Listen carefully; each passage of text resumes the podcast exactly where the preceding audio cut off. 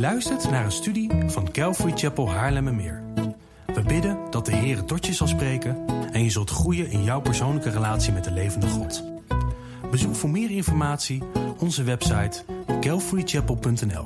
Dat is C-A-L-V-A-R-Y-C-H-A-P-E-L.nl.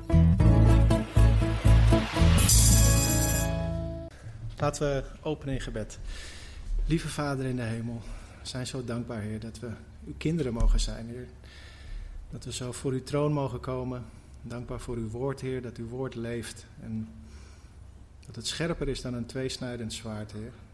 En Heer, wilt u vandaag spreken tot ons? Wilt u ons helpen om meer van uw grootheid te gaan zien, van uw glorie, Heer? En ja, doe uw wil. Vervul ons alstublieft met uw geest. Houd afleiding bij ons vandaan. En uh, geef mij ook uw rust. En spreek alstublieft woorden van eeuwig leven, Heer. Dat bidden en vragen we in Jezus' naam. Amen. Voor wie mij niet kennen, mijn naam is Taco Berendschot. Ik uh, heb het voorrecht om deze gemeente nu acht jaar tot mijn thuisgemeente te mogen rekenen. En ik uh, ben hier uh, penningmeester. Ik geef onderwijs aan de, aan de, kinderen, wat ook een enorm voorrecht is. En ben getrouwd met de mooiste vrouw ter wereld, zeg ik altijd. Roos, die zit uh, daar. Twee prachtige kinderen, Maël en Juna. Ik, zie al, ik, ik zie al iemand nee schudden. Nee, nee, ik heb de mooiste. Ja, dat... No way, Marcel. Ja. Nee. Het is goed dat we dat allemaal zo, zo zien. Um, vorige week heeft Stan natuurlijk gepreekt. En toen had hij het over hoe God naar ons kijkt. En hoe God de haren op ons hoofd geteld heeft. En hoe hij goede gedachten over ons heeft. En het is zo mooi om bij stil te staan dat God van ons houdt. Nietige mensen zoals wij. En dat wij zijn kinderen mogen zijn. En het riep bij mij ook een enorm gevoel van dankbaarheid op. Dat hij zo naar mij kijkt. En als ik dan kijk naar hoe ik naar mijn eigen kinderen heb gekeken en nog steeds kijk. Toen ze net geboren waren. Toen ze voor het eerst mochten vasthouden. En uh, ja, die chubby wangetjes nog en uh, handjes. En ja, hoe zij zelf ook voor het eerst naar hun, uh, hun handen gingen kijken en hoe ze schaterlachten. Ja, het is zo, zo bijzonder. En als ik dan denk dat God zo naar, naar ons ook kijkt, hoe dankbaar moeten we daar dan voor zijn? En ik geloof ook dat het feit dat wij zelf uh, kinderen gekregen hebben en dat we ouderschap mogen ervaren, dat het ook is zo dat we kunnen leren over God, over hoe Hij naar ons kijkt. En dat is niet, zo, niet alleen zo in de ouder-kindrelatie, dat is ook zo in een andere relatie, namelijk de relatie die wij hebben als bruid met Christus, of bruid van Christus. En daar gaan we vandaag naar, uh, naar kijken, en bij stilstaan. Want hoe zit dat nou precies, bruid van Christus zijn? En wat kunnen we hier dan uiteindelijk mee? Nou, we beginnen in um, Efeze 2, of sorry, Efeze 5, hoofdstuk, hoofdstuk 5, vers 31 tot 32. Ik heb best wel wat versen. Dus probeer mee te bladeren voor wie snel zijn, maar het is ook prima om uh, de slides te volgen. Daar lezen we: Daarom zal een man zijn vader en moeder verlaten en zich aan zijn vrouw hechten. En die twee zullen tot één vlees zijn. Dit geheimenis is groot, maar ik spreek met het oog op Christus en de gemeente. Paulus legt hier uit dat het huwelijk een groot geheimenis is. En een geheimenis in de Bijbel is niet iets wat je eigenlijk zou, zou denken op basis van het woord geheimenis. Het is niet iets dat verborgen is of een, een geheim waar je niet, niet achter komt. Maar het is juist iets wat in het Oude Testament verborgen was, maar wat in het Nieuwe Testament, in het licht van Christus en het Evangelie, onthuld is. lang was verborgen wat Gods uiteindelijke plan was met de mensheid. Maar in het Nieuwe Testament is dit onthuld door Jezus. Jarenlang vroegen mensen zich af: waarom heeft God een man en een vrouw geschapen? En ik denk dat dat nog steeds iets is wat mensen zich kunnen afvragen. Waarom twee die volledig anders zijn verbinden in een eenheid? Waarom niet twee dezelfde? Waarom al die rituelen rondom het huwelijk? En het grote geheimenis is dat het huwelijk veel meer is dan een toezegging tussen twee mensen om bij elkaar te blijven zolang het goed voelt. Nee, het is een beeld van Christus en de gemeente. En het huwelijk heeft dan ook een belangrijke plek in Gods woord. Zo belangrijk zelfs dat de Bijbel al helemaal in het begin opent met een huwelijk. En ook helemaal aan het einde afsluit met een huwelijk. En dat gaan we nu lezen in Genesis 2, het begin dan. Vers 23 en 24. Toen zei Adam: Deze is ditmaal been van mijn beenderen en vlees van mijn vlees. Deze zal manin genoemd worden, want uit de man is zij genomen. Daarom zal een man zijn vader en zijn moeder verlaten en zich aan zijn vrouw hechten. En zij zullen tot één vlees zijn. Eva is hier net gemaakt uit de zij, de rib van Adam. En God voltrekt hier het eerste huwelijk tussen Adam en Eva. En we zagen net uh, gemarkeerd het woord één. En als we kijken wat in de grondtekst dat woord is, dan is dat woord egat. Ik hoop dat ik het een beetje goed uitspreek, Amit. Maar, um, egat, dat betekent, um, zoals je zou verwachten, één. Zo is het ook vertaald. Maar het betekent niet het cijfer één wat je zou denken. Dus het is niet een, een absolute eenheid van iets wat uit één ding bestaat. Maar het is een eenheid bestaande uit meerdere delen en verschillende delen. En dat zien we ook in het huwelijk, want de vrouw vult de man aan en de man vult de vrouw aan. En samen zijn zij een stel of een echtpaar. Man en vrouw zijn gemaakt met hele andere eigenschappen, volledig anders, maar perfect aanvullend en samen een eenheid. En dat zien we ook binnen het huwelijk, dat ze gelijk zijn, maar ook andere rollen hebben toebedeeld gekregen van God binnen het huwelijk. En wat interessant is, is als we in Deuteronomium 6, uh, eh, vers 4 kijken, dan zien we daar, luister Israël, de Heere, onze God, de Heere is één. Ook hier staat hetzelfde woord één, egaat. Dus God zelf is ook een eenheid, bestaande uit verschillende delen, verschillende personen. En het belangrijke is dat het woord um, voor een absolute eenheid Yachid is. Dus dat is een ander woord. Dus dit is een argument voor de drie-eenheid. Eva werd gemaakt uit Adams zij. Hebben we net gelezen, toch? Hou dat even, even vast. Want nu gaan we vooruitspoelen naar het kruis. En dat is in Johannes 19, vers 33 en 34. Maar toen zij bij Jezus kwamen en zagen dat hij al gestorven was, braken zij zijn benen niet. Maar een van de soldaten stak met een speer in zijn zij. En meteen kwam er bloed en water uit. Jezus werd ook wel de, wordt ook wel de tweede Adam genoemd in de Bijbel. En hier is hij in een ander soort slaap dan Adam.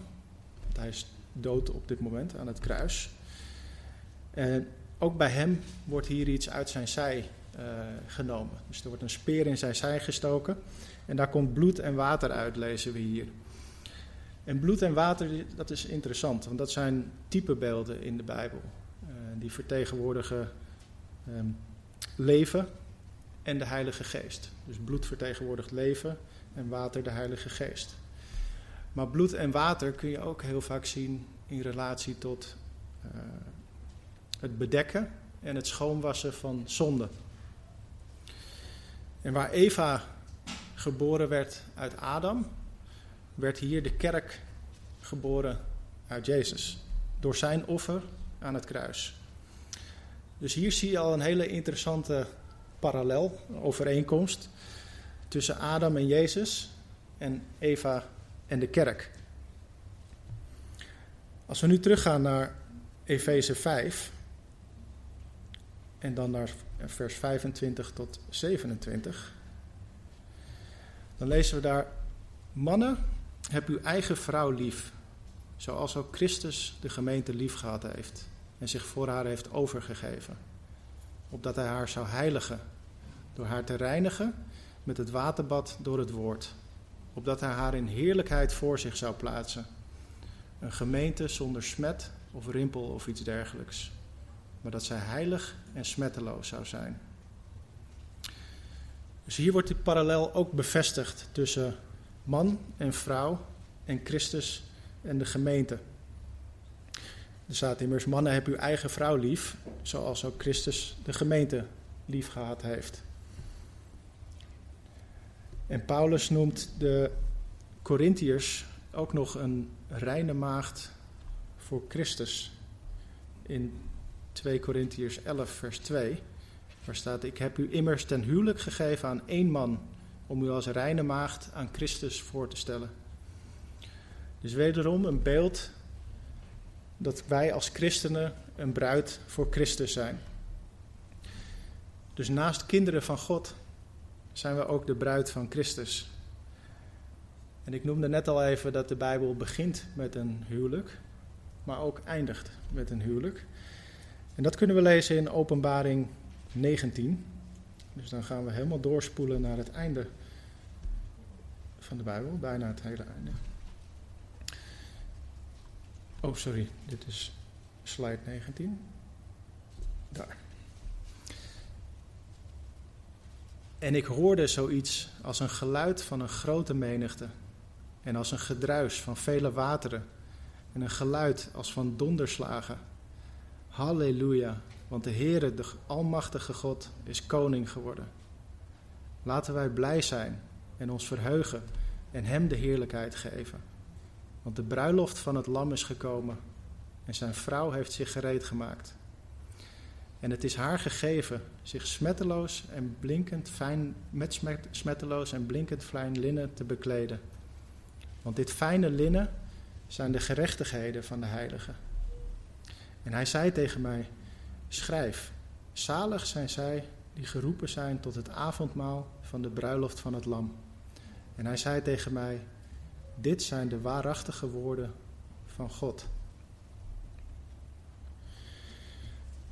Dit is het moment waar wij als bruid van Christus naar uit mogen kijken. De bruiloft van het Lam. En ik weet niet of jullie hier een voorstelling bij hebben. Ik kan mezelf bijna geen voorstelling van maken hoe dit gaat zijn. Maar als ik dit lees en die, die woorden lees van het gedruis van vele wateren, dan denk ik aan hoe de, hoe de zee zeg maar, met hoge golven soms op, op de rotsen kan, uh, kan slaan. En het, het geluid wat je daarbij hoort, dat, echt het gedruis. En zware donderslagen, hoe, hoe dat kan klinken. Ik weet niet wie van jullie wel eens echt zware donderslagen hebben meegemaakt. Ik ben zelf in Indonesië geweest, in Bandung. Dat ligt in een, in een vallei, zeg maar. En als het ergens kan omweren, is het daar een zware donderslagen. Dat is echt, echt heel indrukwekkend, zeg maar. Dat, ehm, ja, en hoe dat hier moet zijn. We hebben net mooi aanbeden met z'n allen en best een volle zaal. En hier gaat het gewoon over miljoenen waarschijnlijk heiligen en, en engelen. En hoe moet dat zijn? Ik, ja, ik ben wel eens bij, uh, bij feesten geweest vroeger, waar ook hard geluid was en, en veel mensen. Maar dit moet ongekend veel beter en anders en mooier zijn. En om het met z'n allen uit te roepen van, van blijdschap. Dat eindelijk het einde is gekomen van, aan al het onrecht. En het begin van de eeuwigheid waarbij we voor altijd verenigd met God zullen zijn. En ja, ik denk dat het um, belangrijk is dat we hieruit kunnen leren dat het huwelijk gaat over eenheid. En dat het huwelijk iets heel uh, belangrijks is in de Bijbel. Juist omdat het begint en eindigt met een huwelijk. En door de Bijbel heen, we hebben nu al best wel wat, uh, wat versen behandeld, maar er komt nog nog veel meer zie je dat heel veel van het huwelijk terugkomt. En ik had het net heel even over de rituelen rondom het huwelijk. En het is heel interessant om te kijken naar hoe werd een huwelijk in die tijd voltrokken, zeg maar? Hoe ging dat vanaf een aanzoek tot uiteindelijk ehm, het huwelijk zelf? Want er zijn namelijk enorm veel parallellen tussen wat Jezus gezegd en gedaan heeft en hoe dat huwelijk vormgegeven werd in die tijd. En mensen zullen dat ook herkend hebben. En wij, wij herkennen dat nu misschien niet direct, zonder dat we gaan graven en kijken van hey, hoe, hoe ging zo'n huwelijk in die tijd. Maar die parallellen waren er zeker en die zouden zij ook uh, herkend hebben, of die hebben zij ook herkend. Dus we gaan kijken naar het Joods huwelijk in die tijd. En we beginnen met het aanzoek. Eigenlijk nog iets ervoor. Want het was in die tijd zo dat de, de vader van de bruidegom de bruid selecteerde voor de, uh, de bruidegom. En hij ging dan naar de vader van de bruid. En samen kwamen zij een bruidschat overeen. En die bruidschat was voor de vader van de bruidegom over het algemeen het allerbeste dat hij zich kon veroorloven. Als dat gedaan was, dan um, mocht de bruidegom uiteindelijk naar zijn toekomstige bruid om daar het aanzoek uh, te doen, om haar te vragen ten huwelijk. En hierbij nam hij een aantal dingen mee. Hij nam cadeaus mee, een kruik wijn en een beker. En die beker die werd ook wel de beker van zegening genoemd. En nog een belangrijk detail is dat in Galilea uh, de vrouw altijd vrije keuze had. Dus het was niet zo dat zij gedwongen werd om dan ook dat aanzoek te accepteren. Zij mocht ook nee zeggen. De bruidegom gaat dan uiteindelijk naar de bruid toe met die spullen en die, um, ja, die deed daar het, het aanzoek. En wat hij vervolgens deed was in die beker schonk hij wijn in en hij nam daar zelf een uh, slok van, de beker van de zegening. En hij gaf diezelfde beker aan de bruid. En als zij dan vervolgens ook uit de beker zou drinken, dan zou dat haar ja-woord zijn. Dus zo werd het uiteindelijk het aanzoek uh, aanvaard en bevestigd. En na het drinken zei de bruidegom dan iets, iets interessants, uh, traditioneel gezien. Want hij zei dan het volgende: Jij bent nu voor mij, volgens de wet van Mozes. Ik zal niet meer van deze drinkbeker drinken, totdat ik hieruit weer zal drinken uh, met jou in mijn vaders huis.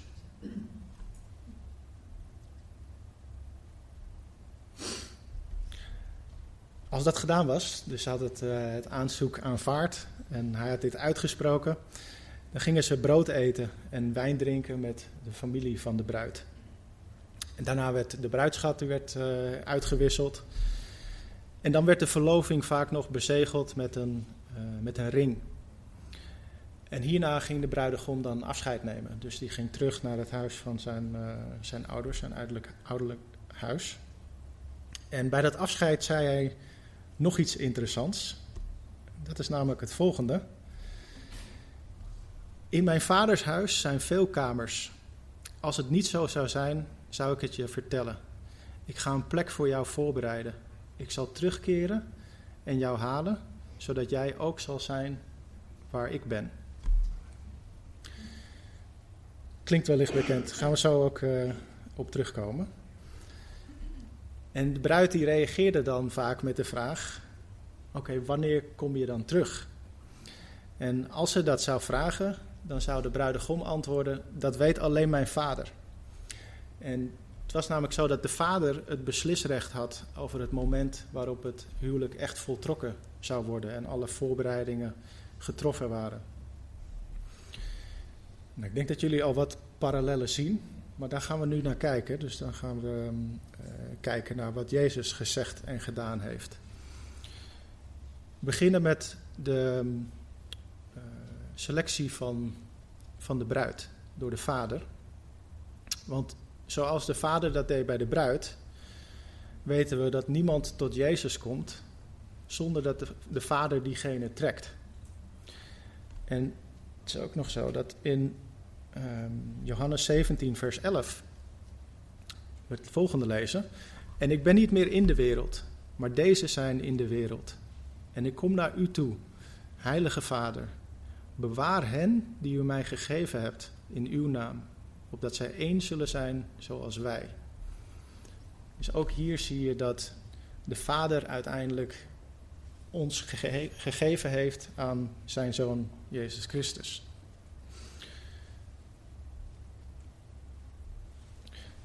Het volgende is um, het uh, laatste avondmaal voor de kruisiging. En dit was de avond voor uh, Pesach, of wat we nu Pasen noemen. En dat wordt Seder genoemd, die avond. En dan eten mensen over het algemeen samen. En er wordt dan ook een, een gebed uitgesproken, normaal gesproken. En het interessante is dat dat iets anders verliep dan hoe dat traditioneel gebeurde met het laatste avondmaal. Dat lezen we in Matthäus 26, vers 26 tot 29. Waar staat: En terwijl zij aten, nam Jezus het brood. En toen hij het gezegend had, brak hij het en gaf het aan de discipelen. En hij zei: Neem, eet, dit is mijn lichaam. Hij nam ook de drinkbeker. En nadat hij gedankt had, gaf hij hun die. En hij zei: Drink alle daaruit, want dit is mijn bloed, het bloed van het nieuwe verbond, dat voor velen vergoten wordt tot vergeving van zonde. Ik zeg u dat ik van nu aan van de vrucht van de wijnstok niet zal drinken, tot op de dag wanneer ik die met u nieuw zal drinken in het koninkrijk van mijn Vader.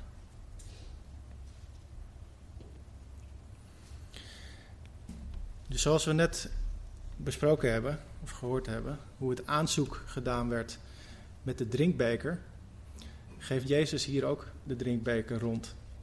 En in plaats van het traditionele gebed wat met Seder normaal gesproken plaatsvond, zei Jezus hier iets heel anders. Want wat hij hier zei was heel duidelijk een aanzoek. Hij vroeg de discipelen hier in feite om zijn geestelijke bruid te worden. En wat hij noemt is ook bijna hetzelfde als wat de bruidegom in die tijd zou zeggen met een aanzoek. Alleen er zit ook een interessant verschil in. Want hij noemt hier niet volgens de wet van Mozes, zoals de bruidegom zou zeggen. Dat hebben we net uh, uh, gelezen. Maar hij heeft het over een nieuw verbond. Dus over zijn eigen verbond. En de discipelen die moeten dit herkend hebben. Dat, dat kan gewoon niet anders. Dat is zo'n enorme parallel. Het volgende waar we naar gaan kijken is de, uh, de bruidschat, die um, normaal gesproken door de vader werd voorbereid. Dan lezen we in Johannes 3, vers 16. Ik denk wel het meest bekende vers vanuit de Bijbel. Want zo lief heeft God de wereld gehad dat hij zijn enige geboren zoon gegeven heeft. Opdat ieder die in hem gelooft niet verloren gaat, maar eeuwig leven heeft. Dus God de Vader gaf het allerbeste dat hij geven kon. Zijn eigen zoon. Beter dan dat kun je het niet geven natuurlijk. En in Jesaja 53 vers 7 lezen we toen betaling geëist werd, werd hij verdrukt, maar hij deed zijn mond niet open. Als een lam werd hij ter slachting geleid. Als een schaap dat stom is voor zijn scheerders. Zo deed hij zijn mond niet open. En dit is natuurlijk honderden jaren eh, voordat Jezus überhaupt op aarde was geschreven door de profeet uh, Jesaja. Hij profeteerde dit, hij heeft die woorden van God ontvangen. En wat hier staat, toen betaling geëist werd. En ja, dat is geëist voor ons. En Jezus heeft dat aan het kruis betaald voor ons. Dat is de prijs die hij betaald heeft. Dat is de bruidschat. Verder in uh, Jesaja 53, in vers 10, lezen we dan: Maar het behaagde de Heere om hem te verbrijzelen. Hij heeft hem ziek gemaakt, als zijn ziel zich tot een schuldoffer gesteld zal hebben. En dit is voor mij altijd zo bizar geweest. Dat het God de Vader behaagde om zijn zoon te verbrijzelen. Hoe, hoe kan dat? Daar kun je toch geen voorstelling bij maken. Maar als ik dit vanuit het grote geheimenis van het huwelijk benader, dan krijgt het ineens een hele andere lading. Dan ga ik begrijpen waarom dat zo is. Het huwelijk, ons huwelijk met God, het gaat over onze vereniging met God, over die, uh, die eenheid waar we het over gehad hebben. Verschillende delen, verschillende rollen, maar toch één zijn, verenigd zijn in Christus. En dan begrijp ik dat zowel de Vader als Jezus daarop gericht waren aan het kruis. Op dat moment in openbaring dat we net hebben gelezen, waar we massaal voor Hem zullen staan en zullen vieren dat de koning der koning, koningen gekomen is. En dat we voor altijd verenigd met Hem zullen zijn. Dat is nog niet alles. Voor de kruisiging maakte Jezus nog een directe verwijzing naar uh, het afscheid van de bruidegom. Hebben we net gelezen. En dat is in Johannes 14, vers 2. In het huis van mijn vader zijn veel woningen. Als dat niet zo was, zou ik het u gezegd hebben. Ik ga heen om een plaats voor u gereed te maken. Dus het is bijna één op één tussen wat de bruidegom in die tijd zei en wat Jezus hier zegt. En natuurlijk toen de discipelen vroegen naar het moment van zijn terugkeer, noemde Jezus onder andere het volgende.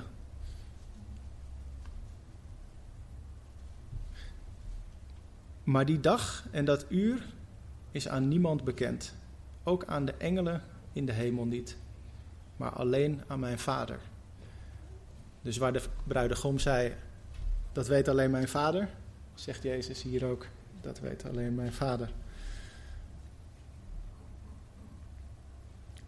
Dus ook hier weer een, een directe parallel tussen wat Jezus gezegd en gedaan heeft en hoe het huwelijk daar voltrokken werd in die tijd. Volgende waar we naar gaan kijken is dan de uh, verlovingsperiode. Want wat er gebeurde nadat dit allemaal voltrokken was, het jaarwoord was uh, gegeven, de bruidegom die ging dan weer naar huis. En in die tijd was het gebruikelijk dat de bruidegom dan een uh, nieuw huis ging bouwen aan het ouderlijk huis vast. Dus hij ging terug naar zijn ouderlijk huis en ging daar een nieuw huis bouwen, waar hij uiteindelijk met zijn bruid een gezin zou kunnen stichten en zou kunnen gaan wonen. En de bruid wist op dit moment dus niet wanneer de bruidegom terug zou komen. En ik kan me voorstellen dat dat met best wat uitdaging uh, gepaard zou gaan. Want zij moest dus thuis blijven. Um, en zij had een traditioneel had zij gevulde uh, olielampen in huis. Want het kon maar zo zijn dat die bruidegom uh, s'nachts zou komen om haar op te halen. En omdat zij geen idee had op welk moment, kan ik me voorstellen dat ze ook op ieder moment moest zorgen dat ze er wel een beetje leuk uitzag, zeg maar. En het was ook in die tijd gebruikelijk om uh, in witte kleding uh, te gaan, uh, gaan trouwen. En hoe doe je dat dan? ben je iedere dag met je, met je bruidskleding of zo lig je te wachten? Ik, ik heb geen idee, maar ja, ik denk, ehm, als ik erover nadenk, dat dat mijn vrouw Roos in ieder geval heel blij moet zijn dat ze niet in die tijd dat ik haar niet uh, gevraagd heb, zeg maar. Want ja, die, die houdt wel van een beetje grip en controle. En dit, ja, je hebt gewoon geen idee. Um, ook nog iets wat gebruikelijk was in die tijd, is dat de bruidsmeisjes uh, in die tijd van uh, verloving en het wachten sliepen bij de bruid. En ook de bruidsmeisjes diende gevulde olielampen te hebben voor het geval dat de bruidegom s'nachts zou komen. Als we dit ook weer gaan vertalen naar wat Jezus gezegd en gedaan heeft, dan komen we uh, in Matthäus 25, vers 1 het volgende tegen. Bekend gelijkenis, denk ik. Dan zal het koninkrijk der hemelen gelijk zijn aan tien meisjes die hun lampen namen en op weg gingen de bruidegom tegemoet. En in diezelfde gelijkenis noemt Jezus ook weer dat niemand de dag of het uur weet. Uh, dat staat iets verderop. Wees dan waakzaam, want u weet de dag en ook het uur niet waarop de zoon des mensen komen zal. Dus wederom enorme parallellen tussen de verlovingsperiode en wat Jezus gezegd en gedaan heeft.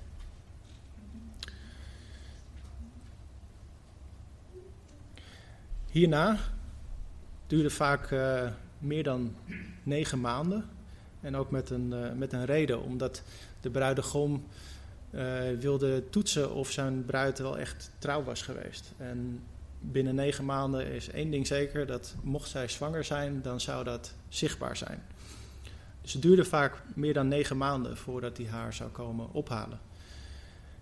Maar aan de andere kant duurt het natuurlijk ook even om zo'n huis te bouwen. Dus ik kan me voorstellen dat het ook niet van de een op de andere dag uh, klaar is. Maar ergens komt er dan een moment waarop de vader de bruidegom akkoord geeft om zijn bruid te gaan halen. En dat is het moment dat het huwelijk voltrokken gaat worden. En de bruidegom die selecteerde dan twee van zijn beste vrienden.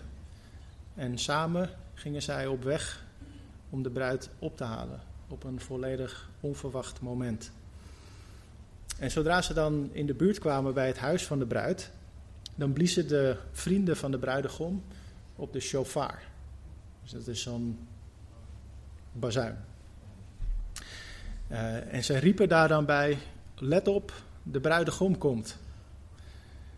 En hierna kaapten ze de bruid letterlijk weg uit het ouderlijk huis.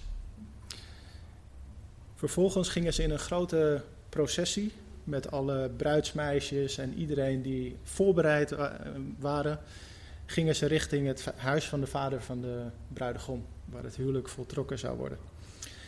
En een interessant detail is dat hierbij de bruid werd uh, opgetild door mensen. En daar hadden ze ook een, een, naam voor, voor die handeling, want dat noemden ze de bruid naar huis tillen.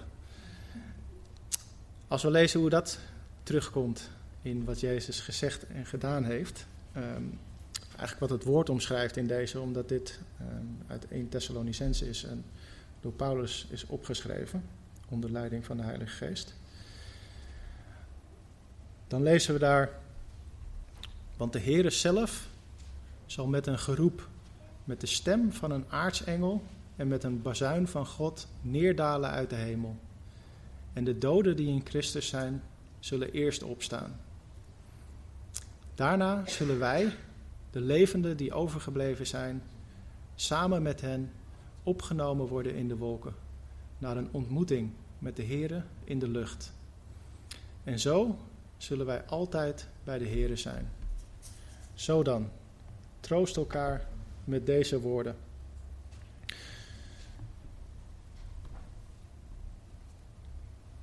Ja, een onverwachts moment lezen we hier. Een bazuin, geroep en dan opgehaald worden. Wederom een enorme parallel. Eenmaal aangekomen bij uh, de plek waar het huwelijk voltrokken zou worden, ging iedereen uh, naar binnen. Dus iedereen die bij het huwelijk zou zijn. En de deur werd daarna gesloten. Alleen mensen die voorbereid waren, die op tijd waren, die mee waren, konden mee naar binnen. Als de deur gesloten was, kwam je er niet meer in.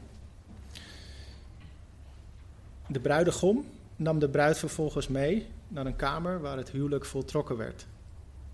En het huwelijksfeest duurde vervolgens zeven dagen lang. Is dat niet interessant? Zeven dagen.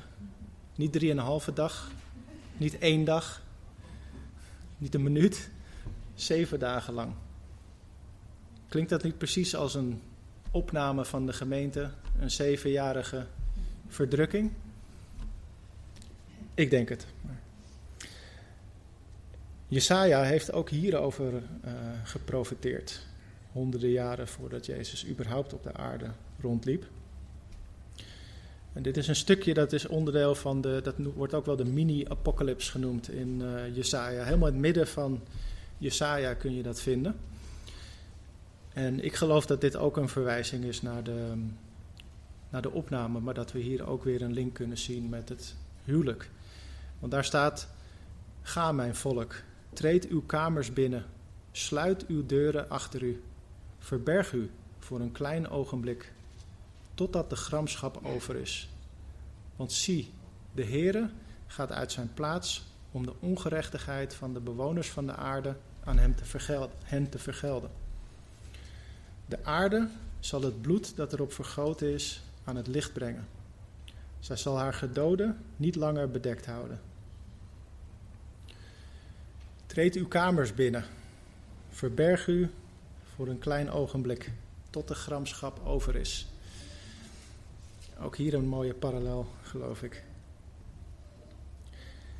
Maar nu is de vraag: wat kunnen we hiermee? We hebben natuurlijk een hele hoop versen behandeld. En wat duidelijk is, is dat het echt een groot geheimenis is. Het geheimenis van Christus en de gemeente en de link met het huwelijk. Gods plan voor de mensheid ligt hierin verscholen. En daarom zien we ook dat het volledig verwoven is door Gods woord van Genesis tot Openbaring. Zo belangrijk is het huwelijk. En mijn gebed voor ons allemaal is dat we ook steeds meer gaan zien dat dat onze relatie is met Christus. Dus naast kinderen van God, dat we een bruid zijn van Christus.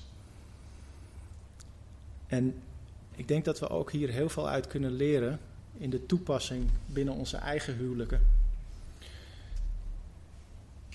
Want als jij dit aanzoek van de Heer al ervaren hebt of uh, aanvaard hebt, wees dan bewust hoe belangrijk dit beeld is. Ons huwelijk is een beeld van Christus en de gemeente. Is een beeld van eenheid. En wij zijn ooit met wat, uh, wat andere stellen uit, uh, uit de gemeente, zijn we wat dieper ingegaan op het huwelijk met elkaar. Het is echt een enorme zegen om, om te doen, kan ik iedereen aanraden. En toen zijn we in um, Efeze 5 zijn we onder andere gedoken, waar staat, vrouwen wees uw eigen man onderdanig zoals aan de heren. En mannen, heb uw eigen vrouw lief zoals Christus de gemeente. En ik weet nog goed dat ik daar enorm mee geworsteld heb. Ik heb zelfs een keer uh, broeder Casper gebeld. En toen gezegd, joh, ik vind het gewoon echt niet eerlijk. Ik moet alles afleggen. Ik moet uh, haar lief hebben, zoals Christus de gemeente. Dus ik moet bereid zijn mijn leven gewoon neer te leggen voor haar. Dat betekent, als zij vraagt, wil je de afwasmachine voor me doen? Dan zeg ik, ja, tuurlijk, weet je. En, uh, alles gewoon, echt je volledig geven. En ik dacht van ja, hoe moeilijk is dat onderschikken dan? Ja. En doe, laat, mij dat maar, zeg maar. Uh, ja, ik vind het gewoon niet eerlijk. Als, als je een groep mannen op pad stuurt en eentje zegt, hey, zullen we dat gaan doen? Dan zeg je, oh, dat is goed. Ja, die, die hebben totaal geen moeite met onderschikken. um, um, maar wat mij duidelijk is geworden in die tijd, is dat we zijn volledig uh, anders, tegenpolen, zeg maar, anders gemaakt. Wat voor mij heel makkelijk is, is voor haar heel moeilijk. En wat voor haar heel makkelijk is, is voor mij heel moeilijk. En in die zin, ik heb dat wel eens vergeleken, zijn we net als uh, magneten, zeg maar. Als ik haar ga beoordelen op mijn eigen kunnen, zeg maar, hoe ik gemaakt ben, dan gaat dat botsen, dat gaat afstoten, want ze is geen man. Nee, zij, zij vult mij aan. En als zij datzelfde bij mij doet, dan heeft het hetzelfde effect. Dus als je zo gaat zien dat we een eenheid zijn, bestaande uit verschillen, dan gaan die magneten tegen elkaar en dan versmelt dat. En dan ben je een, uh, een eenheid. En ik geloof ook echt dat zo het christelijk huwelijk hoort te zijn. En dat is natuurlijk een constante strijd, want het vergt dat we onszelf volledig moeten ver verlogenen en afleggen Net zo goed voor de vrouw als voor de man. En liefde en onderschikken, dat gaat ook echt hand in hand. Dat is een belangrijke les die ik, uh, die ik geleerd heb. Bedenk maar eens, als we het nu vertalen naar onze relatie met God. Hoe gemakkelijk zou onderschikken aan God zijn als we zouden twijfelen of Hij het beste met ons voor had? Hoe gemakkelijk zou onderschikken aan God zijn als we Zijn liefde niet zouden ervaren? Ik denk dat we dan veel eerder onze eigen plannen zouden, zouden trekken en ons leven niet in Zijn handen zouden durven leggen. En daar zie je ook dat die twee dingen, dat zijn ook onze uh, verantwoordelijkheden. Door onze vrouwen als mannen, onze vrouwen lief te hebben, zoals Christus de gemeente, wordt het ook veel gemakkelijker om als vrouw zich te onderschikken aan de man. Maar we hebben allebei onze verantwoordelijkheden hierin. En door dat te doen, door als man en als vrouw gericht te zijn op Christus en te beseffen dat we het niet zelf kunnen en onze, ja, alles in zijn handen te leggen, kunnen we dit christelijk huwelijk zo um, ervaren en, en, vormgeven. En kunnen we die eenheid ook ervaren als die twee uh, magneten. De belofte staat uiteindelijk. De bruidegom komt terug. En hij heeft een enorme prijs betaald voor ons aan het kruis. En we zullen met hem verenigd worden. Maar we moeten wel zorgen dat we olie in onze lampen hebben. En dat we ja, dit klinkt een beetje girly, maar onze mooie bruidskleding aan hebben, zeg maar. Dat we wel netjes eruit zien als die terugkomt, zeg maar. En ik denk dat dat ook een enorme aansporing kan zijn om uh, steeds heiliger te willen leven. En dat is natuurlijk niet iets wat we zelf kunnen, maar door het van God te verwachten en op Hem gericht te zijn, zal dat wel het resultaat zijn. Wat een geweldig voorrecht dat wij naast Gods kinderen ook de bruid van Christus mogen zijn. En als jij het aanzoek van de Heer nog niet aanvaard hebt, dan is nu het moment om dat wel te doen. Linksom of rechtsom komen we voor God te staan.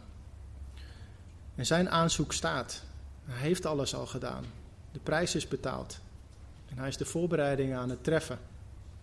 Maar de vraag is of wij zijn aanzoek accepteren. En daar wil ik mee afsluiten. Laten we bidden. Heere God, dank u voor uw woord, Heer. Dank u voor uw, uw plan met ons, de mensheid, Heer. Dank u dat we uit vrije wil mogen kiezen voor u, Heer. En dat u niemand dwingt, maar dat we ook mogen weten dat om niet voor eeuwig bij u te komen, Heer, dat we over uw gekruisigde lichaam heen moeten kruipen, letterlijk. Want zo ver bent u voor ons gegaan, Heer. Dank u voor uw offer, Heer. En Heer, we kijken zo uit naar dat moment in Openbaring 19. Kom alstublieft snel, Heer. En ik bid nu voor iedereen die u nog niet kent, dat vandaag de dag zal zijn, Heer. Dat zij oprecht naar u zullen gaan zoeken ze zullen zien dat u goed bent, dat u het beste met ons voor hebt, Heer, en dat u te vertrouwen bent en dat zij uw aanzoek zullen aanvaarden, Heer. En laat u zelf alstublieft zien, Heer. Laat zien dat u God bent, Heer, dat u goed bent. En trek alstublieft mensen naar u toe, Heer. Zoals we hebben gelezen. Heer, wilt u ons helpen om te blijven zien hoe groot de prijs is die u betaald heeft, Heer. En ook als wij het heilige avondmaal nuttigen, dat we niet vandaag doen, maar als we dat weer gaan doen, om daar ook bij stil te staan, Heer. Dat dit de prijs is die u betaald heeft en dat dit uw aanzoek is waar we aan terug mogen denken, waar we weer bij stil mogen staan, Heer. En help ons om de goede strijd te blijven strijden, Heer, om als een ja, reine bruid voor u te staan, Heer. Op het moment dat u terugkomt, om klaar te zijn, Heer. Om olie in onze lampen te hebben. Vervul ons alstublieft met uw geest, Heer. Doe uw wil. We bidden en dank u In Jezus' naam. Amen.